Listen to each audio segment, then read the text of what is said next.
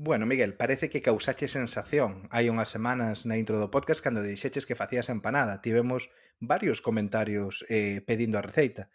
Sonia en, en Twitter dicíanos hoxe, on, onte, minto, eh, por favor, pasade a receita. Eh, tiñamos tamén un post de Raúl en Instagram que, que compartía unha empanada dicindo que seguira que seguira a receita que, que ti, a que ti facías eh, referencia. Contanos de onde sacaches esta receita de empanada. A ver, sí, eu estou pensando mesmo en se deberíamos comezar cun podcast gastronómico. Eh? A mí sempre me gustou todo este tema das canles de cociño, que pasa que é certo que eh, para receitas é mellor un, un, unha canle de YouTube, non? A mellor o podcast non, o formato podcast non se presta tanto, pero bueno. Falta o elemento de... visual. Sí. Pois a receita nada, é moi simple, non sei se se pode facer aquí promoción do inimigo, pero é basicamente dun blog de La Voz de Galicia que se chama La Cocina de Fabrisa, así que quen estea interesado, se si busca empanada galega cociña de Fabrisa en Google, aparece aí a receta que a receita que seguín, que a verdade é que é moi sinxeliña. Para, para a masa non ten grande complicación, é basicamente fariña, ovo, leite, aceite, e, bueno, e sal, e xa está, non precisa levadura nen nada E, e para o recheo, a zaragallada, pois é, eso xa vai un pouco ao gusto do, do consumidor, pero é cebola, pemento e o que se lle queira botar aí. E la faina de bonito, pero bueno, eu provei con vieiras e teño aí unha última receita que provei con sardiñas tamén, que non me lembro se o comentara no último podcast ou non, pero estaba, estaba moi boa. Mm, moi ben. Pois a ver, esta, esta receita é casi o estándar do meu, do meu entorno. Fala ti, fai na miña nai, fai na miña parella, fago eu, eh, ahora parece que todo o mundo está utilizando a esta receita de, da cociña de Fabrisa. Así que, pois, eh, expandindo o alcance do té con gotas, eh, eu diría que podemos suxerirlle aos nosos queridos ouvintes que se ao final deciden facer esta, esta empanada, que nos manden unha foto por redes, non? E facemos retweets e compartimos a ver cal ten mellor pinta. Iso, que poñan o hashtag a cociña de té con gotas e retuiteamos e compartimos. Podemos facer aí un, un book de empanadas inspiradas polo té con gotas. Ah, un truco aquí, que isto sí que foi innovación que fixen. Eh, hai que usar a fariña normal, pero eu eh, a primeira vez que a fixen usei fariña de espelta, entón se a quen lle gusta a empanada de millo, coa fariña de espelta queda algo bastante parecido a empanada de millo.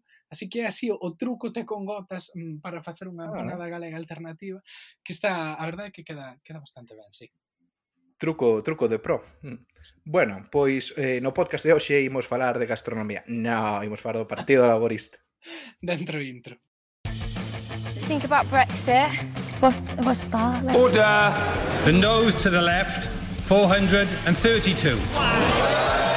With the light, with the music, very welcome everybody here. A Brexit question in English, if you don't mind. Bueno, no, hombre, no vamos a hacer. Venga, adelante.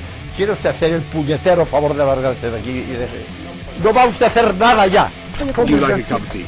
Yeah, sure. Go on, have a cup of tea. Thank you, thank you.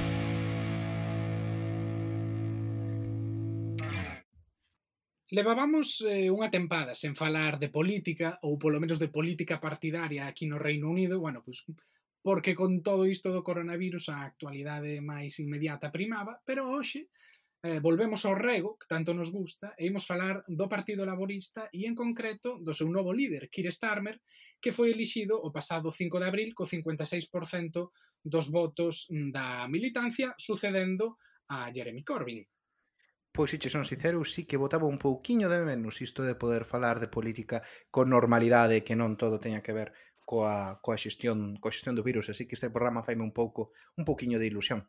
A ver, Miguel, para, para situarnos, eh, lembranos, quen é Keir Starmer? Porque aquí no te con gotas falamos das primarias do Partido Laborista, pero iso foi antes da apocalipse, entón o máis probable é que a xente non, non acorde. Eh, fainos un resumo de quen é esta persoa. Bueno, pois para ter unha idea así esquemática de quen é Keir Starmer, Keir Starmer é un xurista cunha carreira bastante exitosa. De feito, no último goberno laborista con Gordon Brown tiña un posto que sería similar ao que é o fiscal xeral do Estado en España. Eh, na política non ten unha traxectoria moi longa. É certo que foi membro do Partido Laborista desde e co colaborou co Partido Laborista desde moi novo, pero uh, entrou como deputado en 2015. Eh, naquela época poderíamos dicir que era unha persoa de esquerdas, en sentido amplo, estaba bastante máis á esquerda de Tony Blair, pero non chegaba ao extremo de, de Jeremy Corbyn, a pesar de que nos últimos anos sí que formou parte do, do seu equipo, do coñecido como Shadow Cabinet, no que el era responsable pois da área de Brexit, era como o ministro hmm. na sombra do Brexit, e foi unha das Tema persoas conflictivo que... ese Claro, e de feito el foi unha das persoas que empurrou máis para que o Partido Laborista levara no seu programa a proposta de convocar un segundo referendo. Mm. Que unha proposta que en sí, pois, bastante complicada. Claro, mellor non, a de, non é algo para sacar claro. moito peito. Exacto.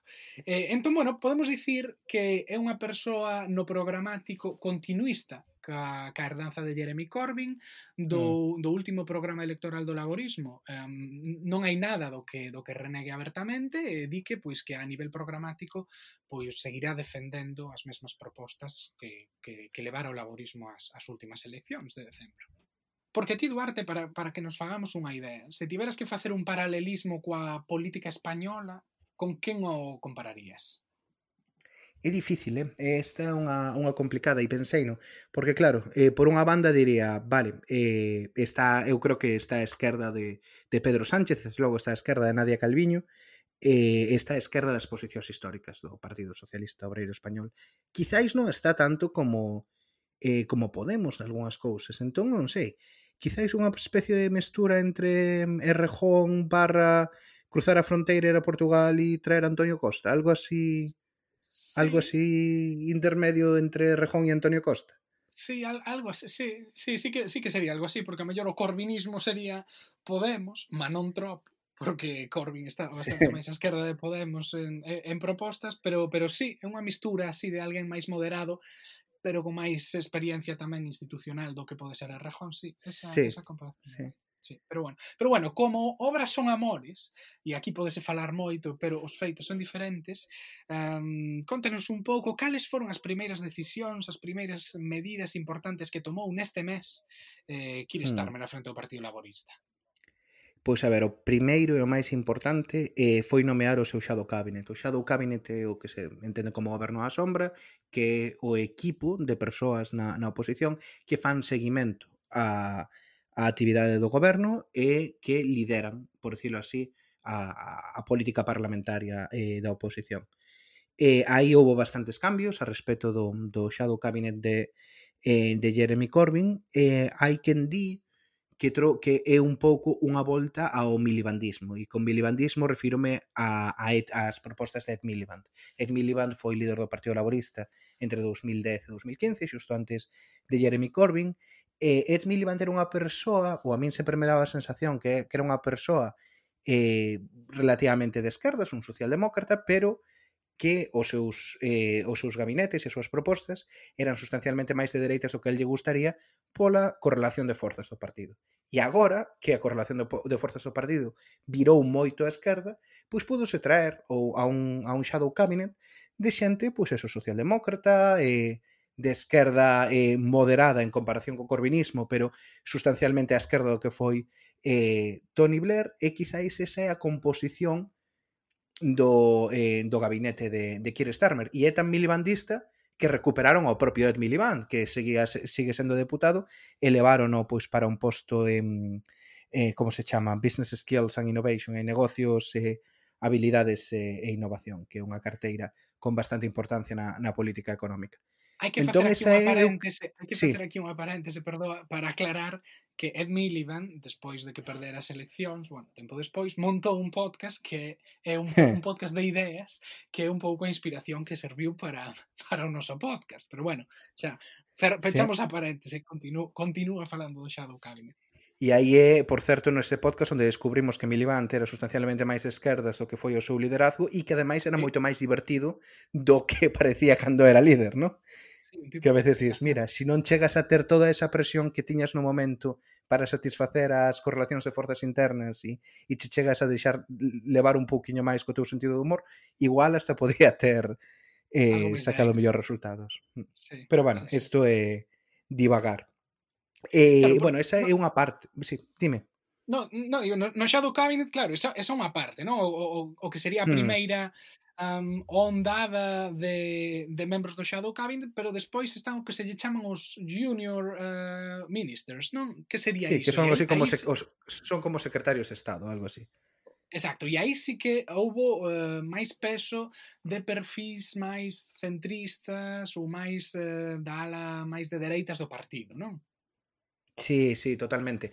Eh, se ven nesta, nesta capa senior, eh, sí que hai máis presencia da, da socialdemocracia pois, clásica, e na capa junior dos secretarios de Estado, que normalmente é un pouquiño que non de, é a canteira, non para postos máis máis importantes. Aí sí que houve presenza de, de xente máis da ala dereita, que nos referimos a, a ala dereita dentro do Partido Laborista, nos referimos máis á tradición de Tony Blair, ou da Terceira Vía, eh, xente que encaixa máis pois, co que foi o consenso, eh, co consenso posterior a, ao, ao, ao tacherismo. Pois aí entraron varios. Pero tamén parece interesante, a pesar de que entrou máis hai máis presenza da, da dereita, é que os postos que se lles deron non foron en áreas que entran en conflito cos valores de Keir Starmer. Por exemplo, unha das persoas eh, Jess Phillips, unha diputada pois, asociada co, coa ala dereita, unha das a carteira que lle diron eh, tiña que ver coa, coa violencia machista. É un tema no que ela leva traballando no que ela leva traballando moito tempo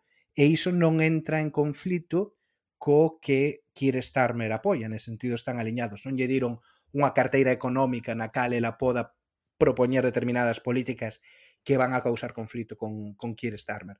Entonces, incluso, a pesar de que entrou moita xente da ala dereita, foron nomeamentos bastante intelixentes, creo eu, a respecto de, de non poñelos en postos que iban a, que poidan traer quebradeiros, quebradeiros de cabeza. Claro, e de feito xa eh, o propio Keir Starmer fixo bastante fincapé en que era xente, eh, bueno, competente, non? E que estaban que estaban primando iso. A min pareceme eh, moi interesante cando se fala sempre dos gobernos, eh, eu sempre creo que hai que prestar atención á xente que ten as responsabilidades eh, na carteira de economía, non? Eh, e mm. o mesmo acontece coa oposición, para saber realmente cal vai ser a liña ideolóxica do goberno ou da oposición de turno, hai que ver o responsable económico, a ver que posturas defende. E neste caso, pois o, o Shadow Chancellor, que é como por así dicilo ministro de Economía na, na sombra, vai ser unha muller, Annelise Dodds, que xa estaba no anterior mm. equipo de John McDonnell, que era o Shadow Chancellor con Jeremy Corbyn, e que, bueno, pois é unha persoa que a priori a proposta económica dos tempos de Corbyn vai na manter, non? E de feito tivo, fixo unha entrevista co Financial Times hai un par de semanas que, bueno, o Financial Times e a prensa liberal pode sacar dar que si van a soltar algo de lastre ideolóxico e queren calmar os ánimos eh, da, dos empresarios e da xente máis liberal que puidera facer algún guiño nesta entrevista e Annelies Dodds dixo que non, que iban a manter a mesma liña que nos tempos de John McDonnell, que non había discrepancias e que como moito pois habería cambios de formas, pero non programáticos. E, e claro, cando falábamos antes das propostas radicais, pois estamos a falar de cousas como o Green New Deal, que é un programa de investimentos eh, enorme promovido polo Estado para mm, promover unha revolución industrial verde, estamos a falar... Ao cal lle pois dedicamos un podcast, por certo. Exacto, Así que se si queredes saber máis do Green New Deal, eh, e do arquivo do Te con Gotas. Claro, estamos a falar tamén da cesión mm, de accións por parte das grandes empresas aos traballadores, que non só pois gañarían unha parte dos, dos dividendos, sino que tamén gañarían poder nos organismos de decisión das empresas. Estamos falando tamén de plans de nacionalizacións de servizos, pois de electricidade, de auga, de transporte, quero dicir, que non son medidas menores e que parece pois que este novo que este novo laborismo baixo a batuta de Keir Starmer vai vai manter, non? Uh -huh. eh, de, bueno, dentro deste, de, destas primeiras semanas nas que eh, de Quire Starmer outro dos temas clave nos que lle está, parece que está prestando bastante atención é a cuestión do, do antisemitismo como tamén xa comentamos no outro programa do Te con Gotas, unha das dificultades máis importantes que tivo que afrontar o liderado de, de Jeremy Corbyn eh, foron aos, as acusacións de, de antisemitismo dentro do partido, é dicir, de eh, de comportamentos prexuciosos cara, cara a xente, bueno, cara ao povo xudeu. E, e Kirestarmer, unha das primeiras reunións que tivo foi pois con representantes da, da comunidade xudea e tomou algunha serie de medidas organizativas dentro do propio partido pois para, digamos, lidiar o, coas denuncias eh, de antisemitismo de xeito máis eficiente en teoría do que se fixo no, no, período, no período anterior. Entón, isto tamén vai a ser é algo mm, no que moita xente está poñendo moito moito foco e que lle está prestando moita atención a ver como quere estar Mer Lidia, Lidia con esta cuestión que tanto daño lle fixo a, a Jeremy Corbyn. Que isto está relacionado tamén cunha das bueno, pois das grandes polémicas internas do que está a vivir o partido desde que chegou Keir Starmer nestas últimas semanas, cunhas filtracións que houbo aí a, raíz dun, a, a, a raíz dun informe sobre como o Partido Laborista mm. xestionara todas estas denuncias de, de antisemitismo, nas que se viu que había xente do partido de moito peso, da burocracia do partido, que estaba boicoteando o partido nos tempos de, de Jeremy mm. Corbyn, non? E entón iso é algo co que vai ter que lidiar Keir Starmer con iso. Duarte, ti que estiveches máis máis enriba desas filtracións, contanos un pouco en que consiste e que impacto pode ter isto na nova dirección ou cal foi a súa reacción? Pois a ver, isto foi unha cousa eh, na cal saliu sorprendente, bueno, ou non tan sorprendentemente, eh, pouco nos medios, pero que teña unha gravidade bastante eh, bastante alta. A historia é o, o Partido Laborista eh, elaborou un informe para analizar como lidiaran ou como traballaran coas enuncia, as denuncias internas de antisemitismo. Entón aí fixose todo un informe moi detallado, no cal había mensaxes internas, grupos de WhatsApp, etc. de, de funcionar, bueno, funcionarios do Partido de Traballadores de, eh, do partido, e aí neste informe, que son 800 páxinas, o que se descubre é que as estruturas, é dicir, as estruturas profesionais burocráticas do, do Partido Laborista estaban de xeito activo traballando para debilitar o, o liderado de, de Jeremy Corbyn. E isto non eran simplemente traballadores con pouco peso, falamos de, de xente de alto rango, o secretario xeral, que aquí non é un posto político, un posto un posto organizativo, unha persoa contratada para xestionar o partido, falamos de xente que son directores de campañas, eh, directores eh, de nivel moi moi moi alto, que nos seus grupos de, de WhatsApp e nos seus eh, correos electrónicos pois estaban facendo cousas como eh, desde fomentar filtracións en contra, en contra do, do líder do partido hasta eh, poñerse tristes ou, ou maldicir se unha enquisa lle daba bons resultados ao Partido Laborista hasta eh, a desviar fondos das campañas eh, para gastar en circunscripcións nas cales hai candidatos eh, afins, afins a eles. E hasta o caso, casos máis graves, pois, como comentarios moi racistas de cara a deputados ou deputadas eh, eh, negros ou, ou, ou de mestizos. Eh, que se chama mixed race en, en inglés.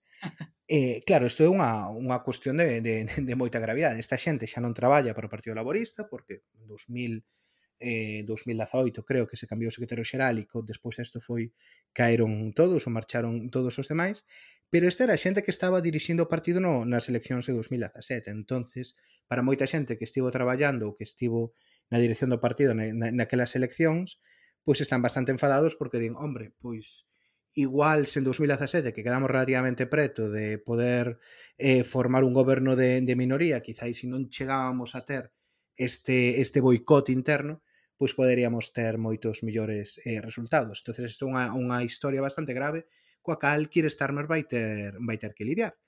Eh, porque máis este, este, este, para, para este, que xente entenda ali, isto sí. sería como se si nas anteriores eleccións xerais en España, a xente que está traballando na sede de Ferraz do PSOE eh, está mm. boicoteando mm. a campaña de Pedro Sánchez, poñéndose claro. triste cando as enquisas dan que Pedro Sánchez vai sacar eh, maioría, bueno, eh, algo que, bueno, pues non, non sería concebible, pero aquí no caso do Partido Laborista eh, aconteceu. E agora Keir Starmer vai abrir como unha investigación sobre ese informe, non? Hmm. Sí, que en principio vai ter que estar resolta para xullo. Meta informe, sí. Vai ter que estar resolta para xullo e pois agárdase que aí haxa medidas disciplinarias cara, cara a xente que queda eh, ou traballando ou afiliado ao partido deste, deste grupo de persoas, incluído ante, o anterior secretario xeral que agora, despois de que, de que o cesaran do seu posto en 2000, 2018 ou así, eh, recompensaron, por decirlo de algún xeito, cun posto na Cámara dos Lores. Entón, esta persoa agora, agora é un lord no grupo no grupo laborista.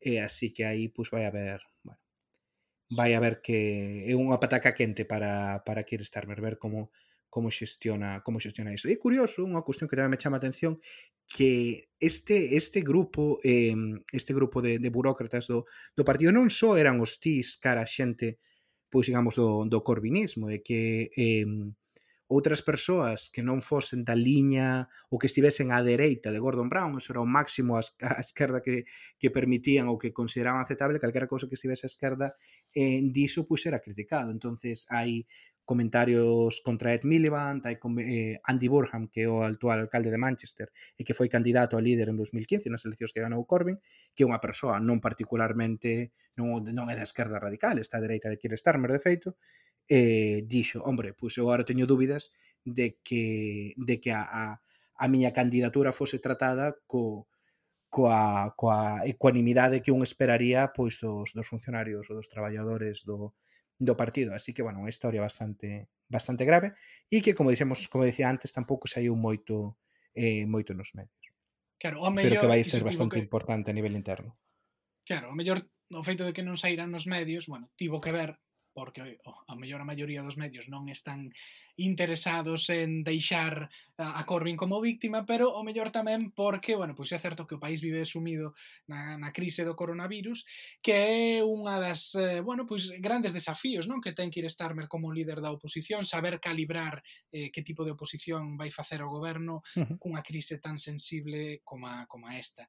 Eu non sei a ti que che parecerá, Duarte, a min eh, en, en España, cando se fala en Galiza disto, isto eh, temos un pouco, creo, a comparación entre eh, como se está a comportar a oposición en España e a oposición en Portugal, co, con esas declaracións que saíron en toda a televisión española do líder da oposición portuguesa dicindo que eh, ían ser aliados do mm. goberno porque a boa fortuna do goberno ia ser a, a boa fortuna do país. Eu creo que Keir Starmer está nunha posición bastante máis próxima, para que entendamos todos, uh -huh. a, ao que está facendo a oposición en Portugal. Non? Ele sempre falou de facer unha oposición eh, constructiva ao goberno de, de Boris Johnson, pero, bueno, sí que está eh, facendo fincapé nalgúnas cousas, nalgúns problemas, eh, algúns problemas de xestión do goberno aquí, como por exemplo mm. a lentitude a hora de facer test, a lentitude a hora de eh, proveer aos traballadores da sanidade de material médico, a lentitude a hora tamén de facer público un calendario sobre como se vai a sair da, da cuarentena, pero mantendo bastante mellor as formas do que a oposición en España, non?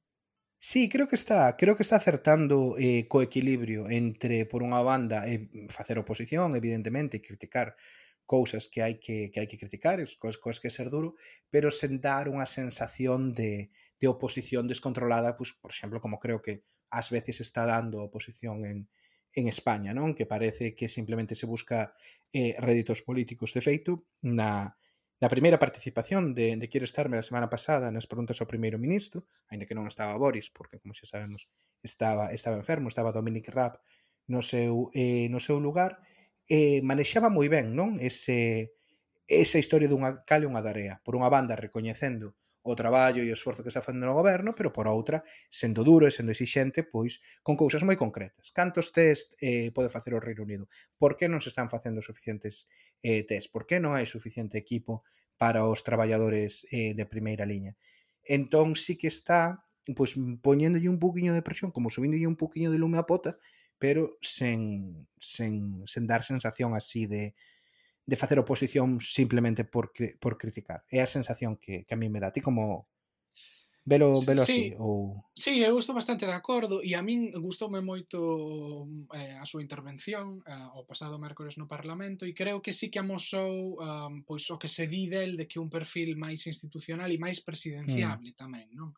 Eh, máis alado ideolóxico sempre se dixo pois que, que Keir Starmer eh, tiña un perfil como máis de presidente do que podería ter Jeremy Corbyn e eu creo que outro día mm. na sesión do, do Parlamento pois quedou claro que, que, o vai, que o vai facer ben eh, na, nas mm. sesións de control de control ao goberno, a pesar de que, bueno, mellor o seu punto débil vai ser a campaña, non? É un pouco o contrario a Jeremy Corbyn, que era un tío moi bo facendo campaña, pero mellor no Parlamento non se desenvolvía con tanta con mm. tanta fluidez.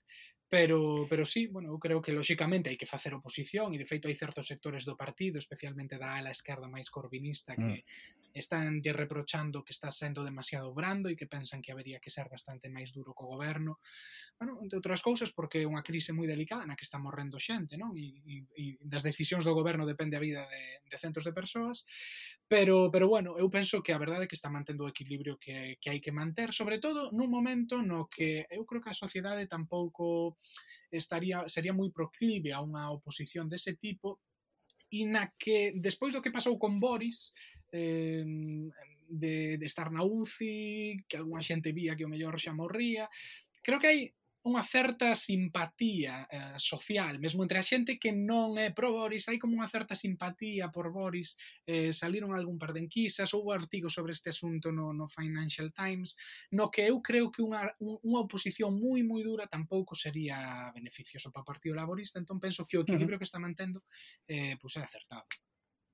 Uh -huh. Sí, e unha, simplemente reforzar unha cousa que, que, que dixeches, que creo que eh, que, que quere estar nel sí que vai a ser moi bo, moi moi moi bo no, no Parlamento. Unha das cousas que ten ter sido fiscal e ter esta carreira como xurista é que o nivel de control sobre os sobre os detalles e sobre as cousiñas miúdas eh, pois é unha gran diferencia que vai ter a respecto a respecto de Jeremy Corbyn, que falaba máis en termos quizáis máis xerais. Eh, este nivel de detalle, pois eu creo que vai reforzar a súa a súa posición como, como deputado como, e como líder da oposición. Pero bueno, como tamén comentaba, está por ver que tal o fai en campaña, pero bueno, temos cinco anos para iso, a, eh, para que haxa unhas, unhas novas eleccións. Así que, bueno, ten tempo pois, para, para traballar nas súas habilidades como mitineiro. Pois hasta aquí o podcast de hoxe. Xa sabedes que a partir de agora, cando reabran os bares, se alguén vos fai a pouco probable pregunta de quen é ese tal Kir Starmer, bueno, pois aquí tedes todo o material e a documentación para eh, seros máis informados e aventaxados no asunto. E nada, volvemos en dúas semanas, a semana que ven, estaremos con noso Tesengotas para suscriptores. Xa sabedes que nos podedes seguir eh, nas redes sociais, en Facebook, Twitter, e eh, desde hai un par de semanas tamén en Instagram. E se vos queredes facer suscriptores para escoitar tamén os Tesengotas, podedes facelo en patreon.com barra tecongotas, onde tedes aí catro modalidades de suscripción, eh, desde 2,5 dólares hasta 10 dólares, eh, para, para facervos socios do noso podcast. Así que nada, eh, pasade o, o mellor que poidades nestes, nestas semanas de corentena que quedan e vémonos en dúas semanas.